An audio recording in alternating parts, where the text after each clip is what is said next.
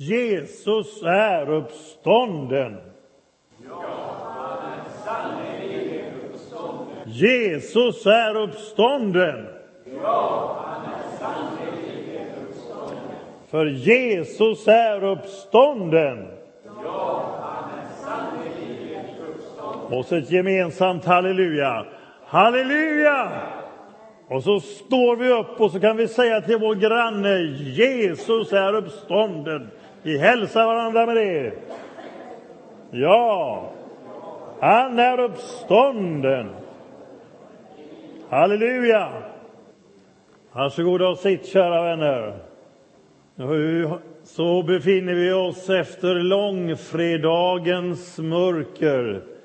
I långfredagens mörker så vilade och väntade påskdagsmorgonens gryning. Och nu är vi där, fast vi är lite senare. Jag vet inte hur dags solen gick upp idag. Någon som har det? Hur dags gick solen upp idag? Ja, det är bara... Bobo får titta i telefonen. Egentligen skulle vi ju börjat då i Afrika när vi bodde. Då började gudstjänsten när solen gick upp där vid femtiden. Eh, och då hade man firat påsknatten också, så att det, det var... Så var det. Men... Eh, 06.00, ja. Jag vet inte hur många som hade varit här då, men eh, vi är, tänker oss att nu är gryningen inne. Påskdagsmorgonen är inne. Och vi vet att kvinnorna väntade så. De hade ju varit med hela vägen och Lukas är noga med att beskriva i Lukas 23, som vi läste från i fredags. Och jag läser där vers 55. Kvinnorna som hade kommit från Galileen tillsammans med Jesus följde med och såg graven och hur hans kropp lades där. När de hade återvänt hem gjorde de i ordning välluktande kryddor och oljor och sabbaten tillbringade de efter lagens bud i stillhet. Men tänk vad de väntade på att sabbaten skulle vara över, att gryningen kom. Gryningsljuset som skulle bryta mörkret. Men inte hade de anat vad de skulle få möta. Fast han hade talat med dem om det under åren, att han skulle dö och uppstå, så var det inte det de tänkte sig att kan det här verkligen vara ske? Utan man kom för att fullfölja balsameringen av kroppen. Ni vet, det var ju så bråttom. Man hann bara göra det första. Man hade ju bara tre timmar på sig att förhandla med Pilatus och få konstaterat att han var död och bära honom till graven och så göra det första. Sen var det ju sabbat. Så tidigt i gryningen så kommer kvinnorna och Maria från Magdala är först. Här är Lukas återgivet i Lukas 24. Men dagen efter sabbaten gick de i gryningen till graven med kryddorna som de hade gjort i ordning. De fann att stenen var bortrullad från graven. Det var en jättesten som vägde ett ton eller mer. Och den var bortrullad. Och när de gick in kunde de inte hitta, inte finna Herren Jesu kropp. De letade, men de hittade inte honom. Och plötsligt så finns där ängel, för de visste inte vad de skulle tro. Och då fanns det två män i skinande kläder framför dem. Och kvinnorna blev naturligtvis förskräckta och sänkte blicken mot marken. Men männen sa till dem, varför söker ni den levande här bland de döda? Och jag älskar ordet på Jesus, den levande. Ah, vilket namn! Den levande. Varför söker ni den levande? Och när Petrus predikar i Apostlagärningarna 2 och förkunnar påskens budskap för hela Jerusalem så säger han att Gud lät honom uppstå eftersom det inte var möjligt för döden att behålla honom i sitt grepp. Det är mina vänner, det är power det. Det var inte möjligt för döden att hålla kvar Jesus. Och han har låtit Gud låtit uppstå, vi kan alla vittna om det, säger Petrus i Apostlagärningarna 2. Han har uppstått. Stenen var ju inte bortrullad för att Jesus skulle gå ut, om någon trodde det. Eh, han behövde inte någon sådan hjälp. Och där var ju sigillen eh, fastsatta och allting. Och, eh, ja, utan det var ju för att kvinnorna skulle kunna komma in.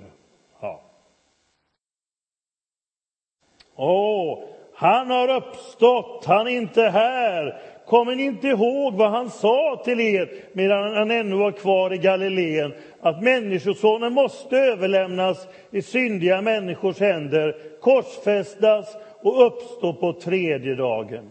Den enda Gud i universum som har sår. Finns ingen annan sådan Gud som har valt och älskat dig och mig ända fram till korset. Och jag sa det i fredags och säger det igen, om du så var den enda människan på jorden så hade Kristus kommit och gått den vägen för dig. För dig och mig. Han dör för våra synder och uppstår för vår rättfärdiggörelses skull. Och då kom de ihåg hans ord. Och när de hade återvänt för graven berättade de allt sammans för de elva och de andra. Det var Maria från Magdala, Johanna och Maria, Jakobs mor. Även de andra kvinnorna i deras sällskap talade om för apostlarna. Och vad tror ni apostlarna sa? Yes! Nu var det precis som vi hade tänkt oss. Fantastiskt! Var det så de reagerade? Nej. Vad sa de för någonting? Ja, de sa att det var tomt prat. Det står faktiskt i grundtexten, ni får ursäkta kvinnor. Det stod att det var bara fruntimmersprat. ja. Det är ingen värdering i det. De trodde det var tomt prat. Så de trodde inte på dem. Nu har de fått för sig någonting igen. Ja, ni vet, konstiga... Man, ja. ja, vi tar inte det, det något mer. Men det är två som fattar, som inte kan låta bli. Lukas återger en av dem, men de är två. Men Petrus sprang genast bort till graven och när han lutade sig in såg han bara linnesvepningen liggande där och han gick därifrån full av förundran över det som hade skett. De är ju två. Vem är den andra? Det är Johannes. Och läser ni Johannes version av just det tillfället så är, låter det inte så mycket som evangelium. För det är en sak som han nämner två gånger. Vad är det för något? Ja, han sprang fortare. Det var fantastiskt. Det var väldigt viktigt för Johannes. Det är klart han var 16 år. Inte vet jag om de hade tävlat i löpning förut, eller vad säger det? Men det är en kul detalj. Det är väl inte mycket till evangelium man ska berätta att Jesus har uppstått. Så är Johannes så noga med att skriva två gånger att han sprang fortare än Petrus. ja, det är kul med dessa män och pojkar. Han var väl 16 år då. Petrus kanske var 30. Det var så noga, han sprang fortare. Hade kvinnor skrivit evangelium så tror jag inte den hade varit med. Vad säger ni? Ingen sån detalj. hade inte kvinnan funderat på. Nej. Men för männen var det viktigt, men Lukas tyckte att det, det där behövde inte vara med. han var lite barmhärtigare mot Petrus där. Det gick lite långsammare för honom. Men när han väl hade fått upp farten, Petrus, Johannes stannar ju vid gravöppningen, men när väl Petrus har ångan uppe, då är gammal äldst. Han far in rakt in i kaklet, som man säger nu för tiden. Ända rakt in och ser linnebindlarna. Och det var inte så. Han hade ju sett en gång förut en som hade uppstått från de döda, nämligen Lazarus som varit död i fyra dagar och kommer ut med linnebindlar och grejer och så. Men så var det inte. För Jesus behövde inte ta sig linnebindlar och grejer, utan han bara lämnade det. Så det ligger där liksom balsamerat som ett hölje. Så är det. Hans ansiktsduk, fint ihoprullad. Ingenting kunde stoppa liksom Jesus. Han, han, han, han, eh, var lindad som barn, lindade Maria honom i linne. Och när han är död så lindar Josef från Arimataya i det vackraste och dyraste linnet. Men nu behövde han inte Marias kläder. Men han hade fortfarande var Maria mycket delaktig i hans kropp. Men det var ändå en förändrad kroppen, förvandlad, men det var ändå en mänsklig kropp i härlighet. För han får ju säga till lärjungarna som sen tror att det, eh, är det, kan det verkligen vara sant? Ja, känn här på såren och ta lite mat här, ät nu fisk och bröd så ni fattar att det här är ingen vålnad utan det här är jag.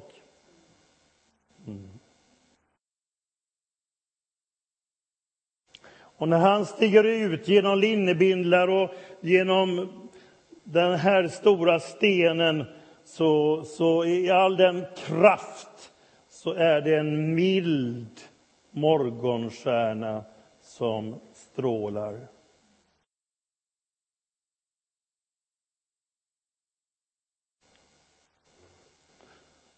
Och så vet vi från Johannes evangeliet att Maria är där och möter Jesus. Hon tror först att det är trädgårdsmästare. Hon är så förtvivlad att någon har flyttat på Jesus. Men hon möter den uppståndne när han säger hennes namn, Maria. Och den rösten hade hon hört. Hon var så fylld av sorg och förtvivlan så hon såg inte vem det var. Är man riktigt sorgsen så ser man inte. Förväntar ju sig inte heller. Men han säger eh, Maria. Och då svarar Maria med det vackra ordet. Hon kände igen det. Det är väl litteraturhistoriens allra kanske vackraste formulering i hela världslitteraturen, vågar jag säga. När hon vänder sig om och säger Raboni, som är diminutiv av rabbi, som betyder min älskade lille mästare. Så betyder det. Min älskade lille mästare.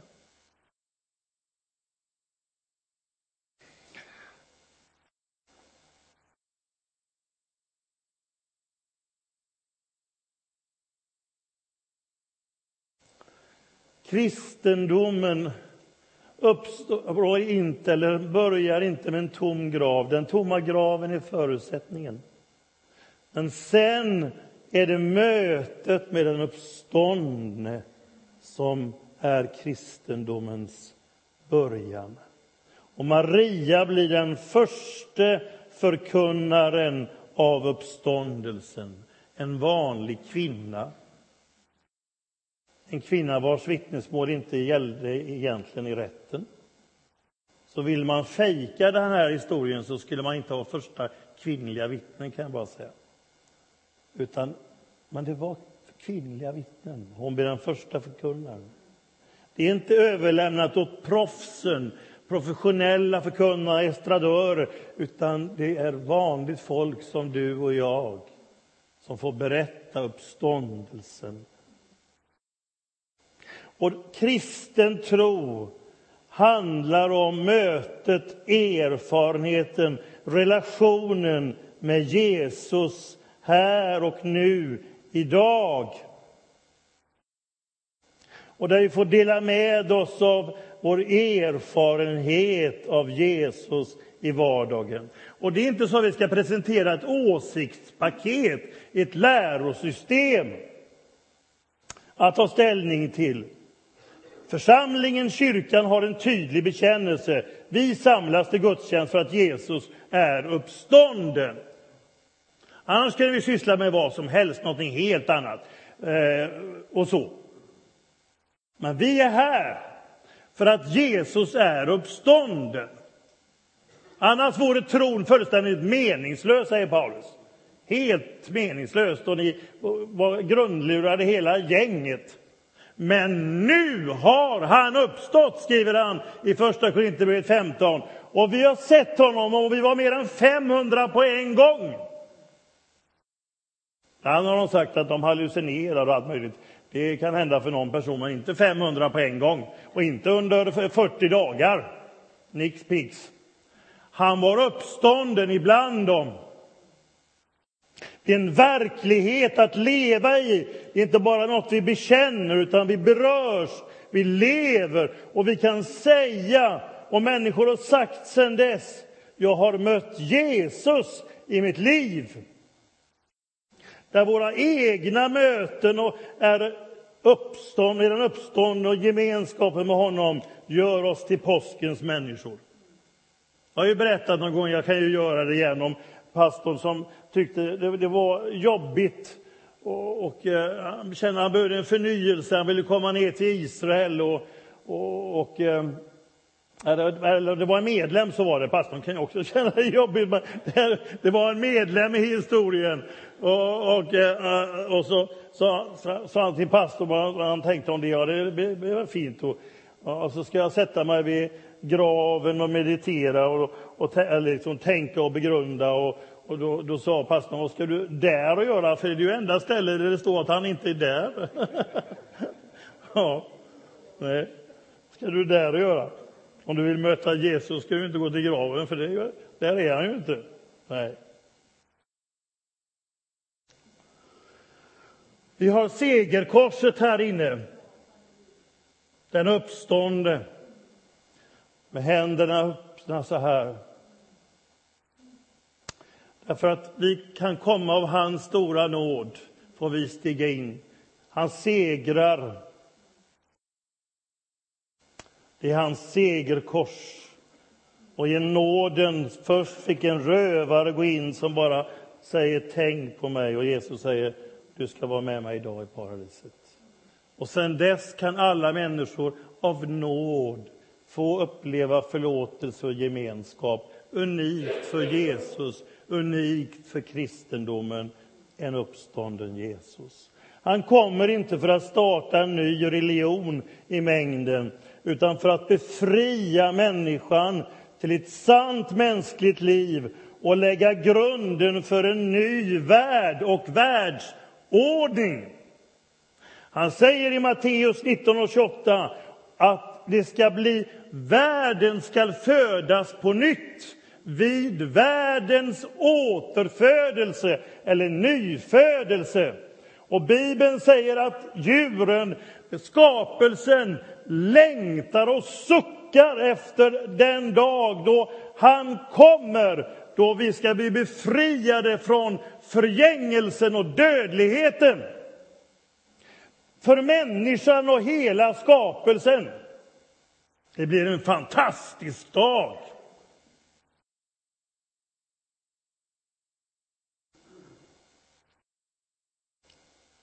När den här tiden tar slut så börjar den eviga tiden, den eviga skapelsen. Det här är bara en försmak, vänner. Det här är en försmak.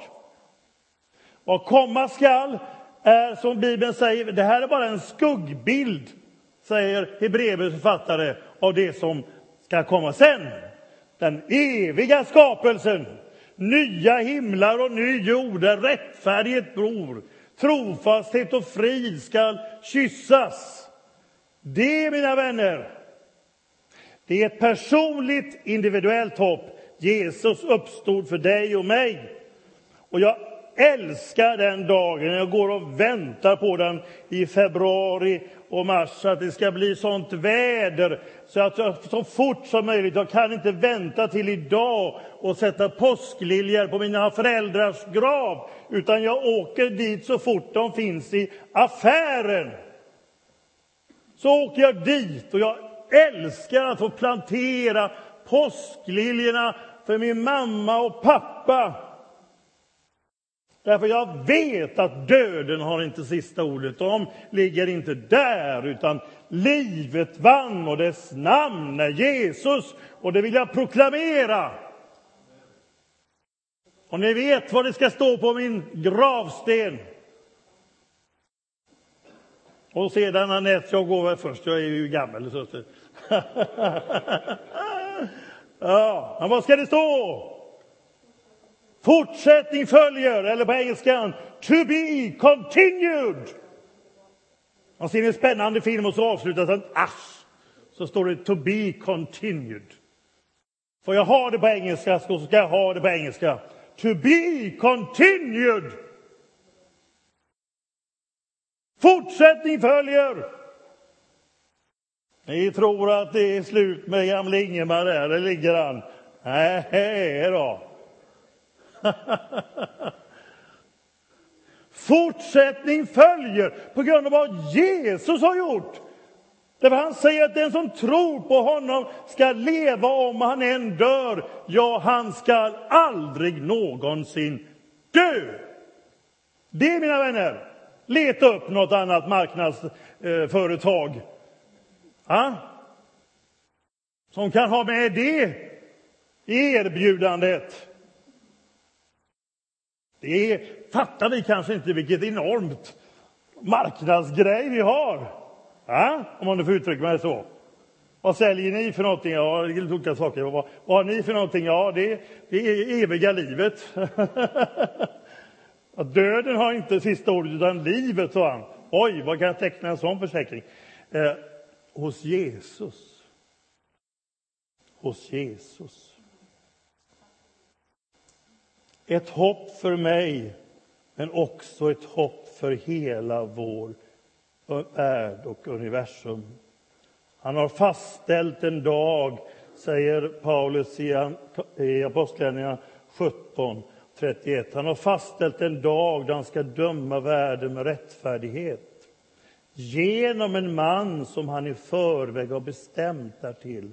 Det har han bekräftat för alla människor genom att låta honom uppstå från de döda. Kristi slut på korset var hans verkliga begynnelse. Och kristen eskatologi, läran om framtiden och de yttersta tingen följer i alla personliga, historiska och kosmiska dimensioner ett kristologiskt mönster som vi firar i påsken, att begynnelsen är dold i slutet. När Dietrich Bonhoeffer, den tyske prästen, som tillhörde en av dem som Hitler hade bestämt absolut inte fick överleva eh, i fånglägret. Det var bland det sista han såg till. Han tillhör den kategorin fångar som avrättades bara några dagar, några dagar innan krigsslutet i Flossenburgs koncentrationsläger. Därför att han hade deltagit i en sammansvärjning för att få stopp på Hitlers barbari. Och då säger han till sin medfånge Payne Best. Detta är slutet, men för mig är det början på livet. När han leds iväg för att skjutas. Och när du ser Johannes på Patmos så är det inte världens yttersta dag skildrad som förintelse eller världsbrand eller död i köld. Bibeln har ingen undergångsteologi, mina vänner. Utan det står nyskapelsens första dag. Se, jag gör allting nytt.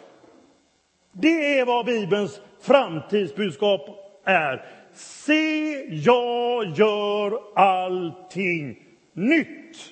Den Gud som kommer, den sanna skapelsen, om vi uttrycker oss så, ligger fortfarande framför oss. Oh. Därför ska vi ropa Maranata.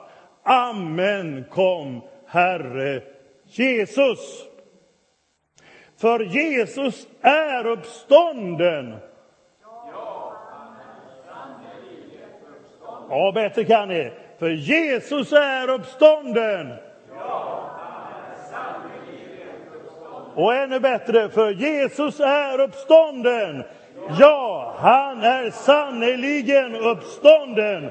Halleluja! Amen. Vi blir stilla och vill någon prisa Gud och tacka oss med varandra så varsågod.